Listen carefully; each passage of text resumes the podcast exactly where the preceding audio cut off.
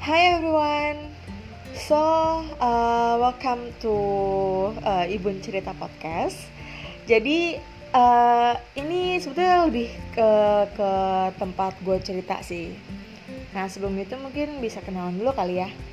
Gue Indah, gue ibu dengan satu anak. Uh, anak gue yang namanya Saka.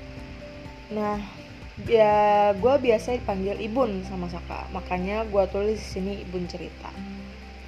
Sebetulnya podcast ini bukan podcast kali ya, mungkin lebih ke tempat cerita aja.